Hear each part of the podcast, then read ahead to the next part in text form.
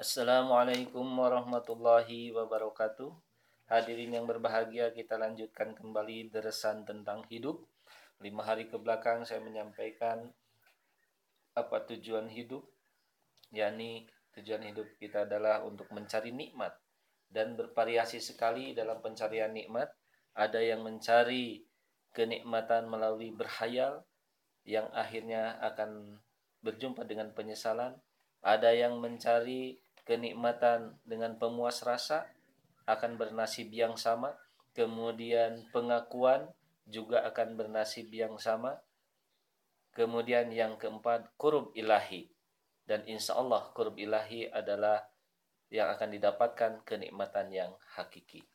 Hadirin yang berbahagia, ada beberapa contoh jalan para pencari Tuhan dalam meraih kenikmatan hakiki.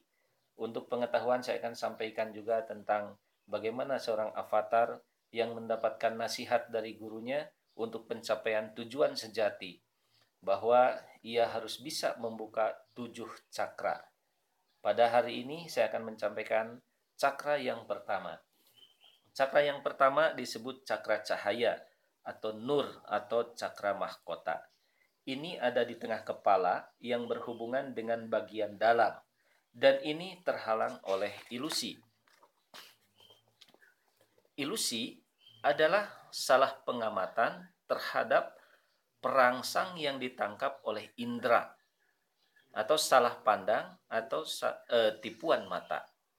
Ini ilusi dalam kamus. Ya. Cakra mahkota, puncak kepala, kelenjar otak kecil. Pusat spiritual, tempat jiwa tak berumah yang berhubungan dengan pusat dan sumber pembaharuan spiritual berhubungan dengan Sang Ilahi, tempat mana keinginan-keinginan spiritual terbagi ke dalam kepribadian dan hidup sehari-hari. Hadirin yang berbahagia, di dalam hal ini kita harus sangat hati-hati sekali karena tidak sedikit orang-orang yang terjerumus karena ilusi ini, ya. Kita harus paham betul dalam hal ini apa pekerjaan malaikat, apa pekerjaan setan. Jika tidak bisa membedakan, kita akan terjerumus dan tersesat dari jalan yang benar. Di sini kita dituntut untuk tidak tergesa-gesa di dalam bertindak dan dalam mengambil kesimpulan dari apa yang kita alami, baik secara lahiriah ataupun secara batiniah. Dan harus dipahami pula bahwa Allah uh, wahyu itu turun bisa datang dari Allah Subhanahu wa taala melalui malaikat atau secara langsung atau bisa datang dari setan. Nah, di dalam hal ini hadirin yang berbahagia ya, sebagai penghargaan dari Allah Subhanahu wa taala kepada orang yang beriman, kepada orang yang selalu menyembah kepada Allah, yang dekat kepada Allah Subhanahu wa taala, ya. Allah taala sudah mengomando seluruh isi bumi dan langit ini untuk berkhidmat kepada manusia seperti itu.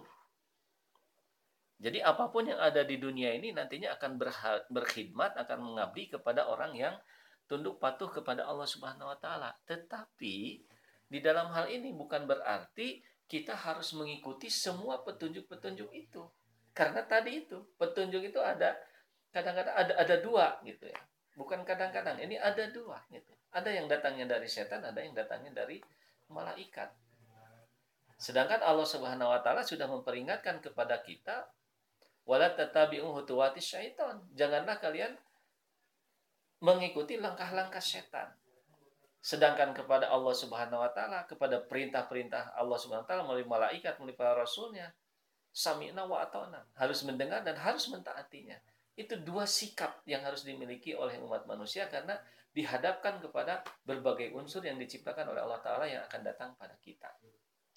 Tetapi kesemua itu adalah untuk memotivasi manusia untuk lebih dekat kepada Allah Subhanahu wa taala dan nantinya akan sampai kepada surga Allah Subhanahu wa taala. Ada surga, ada neraka, kita ingat. Itu adalah pilihan untuk kita. Hanya dengan kasih sayang Allah Subhanahu wa taala bahwa manusia diciptakan lebih mulia daripada makhluk-makhluk yang lain, Allah Ta'ala ingin memberikan penghargaan agar manusia itu masuk ke dalam sorganya. Sehingga Allah Ta'ala mengutus utusannya, mengutus Rasulnya untuk membimbing kita. Nah, tetapi Allah Ta'ala juga menciptakan manusia-manusia yang bejat yang nantinya akan membawa kita kepada neraka. Yang motivasinya datang dari setan. Nah, kita lihat di dalam hadis Qudsi Al-Khudai yang bersumber dari Ibnu Mas'ud radhiyallahu anhu, "Ya dunia uhdumi man khodamani wastahdimi man khodamaki." Wahai dunia, berkhidmatlah kepada orang-orang yang telah berkhidmat atau yang mengabdi kepadaku dan perbudaklah orang-orang yang mengabdi kepadamu. Kemudian di dalam Al-Qur'an surat 31 ayat 21 أعوذ بالله من الشيطان الرجيم. ألم تروا أن الله سخر لكم ما في السماوات وما في الأرض وأسبغ عليكم نعمه ظاهرة وباطنة ومن الناس من يجادل في الله بغير علم ولا هدى ولا كتاب munir Tidakkah kamu perhatikan sesungguhnya Allah telah menundukkan kamu untuk kamu apa yang di langit dan apa yang di bumi dan menyempurnakan untukmu nikmatnya lahir dan batin. Dan di antara manusia ada yang membantah tentang keesaan Allah tanpa ilmu pengetahuan atau petunjuk dan tanpa kitab yang memberi penerangan. Hadirin yang berbahagia sangat jelas sekali. Jadi apa pun yang diciptakan oleh Allah Ta'ala itu akan datang pada kita, akan memotivasi kita kepada jalan yang uh, oleh Allah Ta'ala sudah diciptakan. Jadi ada yang nanti mendorong pada neraka, ada yang mendorong pada surga. Sekali lagi itu adalah pilihan kita mau pilih yang mana. Nah, banyak sekarang orang-orang yang terjerumus di dalam hal ini. Karena dia ber, bertahajud, karena dia bertirakat kepada Allah Ta'ala, karena dia berdoa pada Allah Ta'ala, tiba-tiba dalam mimpinya disuruh membunuh anaknya. Tidak sedikit berita seperti itu sekarang. Disuruh membeli togel, karena dari hasil tahajud dan sebagainya untuk berjudi. Banyak. Nah ini seharusnya kita paham. Macam judi, togel, membunuh itu diajarkan enggak oleh oleh Allah Ta'ala, oleh Rasulnya? Tidak. Berarti bisikan itu sekalipun kita sehabis melakukan sholat tahajud, sehabis sholat malam dan sebagainya, tapi perintahnya seperti itu, wangsitnya seperti itu, mimpinya seperti itu, itu wajib kita tidak mengikutinya. Jadi cara ibadah kita menyikapi itu adalah menolaknya. Sedangkan kalau tuntunan-tuntunan yang benar, yang sesuai dengan ajaran Rasulullah SAW, sami'na wa dengar dan itu taati. Itu berarti dari malaikat datangnya. Nah inilah eh, pengetahuan harus kita benar-benar pahami ya. Sehingga kita akhirnya nanti walaupun itu kita hasil dari tahajud hasil dari berdoa tapi perintahnya seperti itu menjerumuskan nah kita akan menolaknya. Dan itulah cara sikap kita. Karena mau tidak mau itu semua akan ada. Hadirin yang berbahagia di dalam hal ini banyak sekali orang yang terjerumus orang yang terjebak ya. Ketika sholat bermunajat dan sebagainya merasa tidak mendapatkan apa-apa merasa Allah Ta'ala tidak memperhatikan kita, timbullah kekecewaan. Padahal hujur mengatakan, sekalipun kita sholat itu sudah berusaha sekeras tenaga dan sebagainya, tapi kita merasa belum merasakan satu kenikmatan, tidak mendapatkan apa-apa, merasa tidak diperhatikan. Jangan bosan, jangan putus asa. Terus saja. Karena Allah Ta'ala itu akan menghargai usaha kita, ikhtiar kita.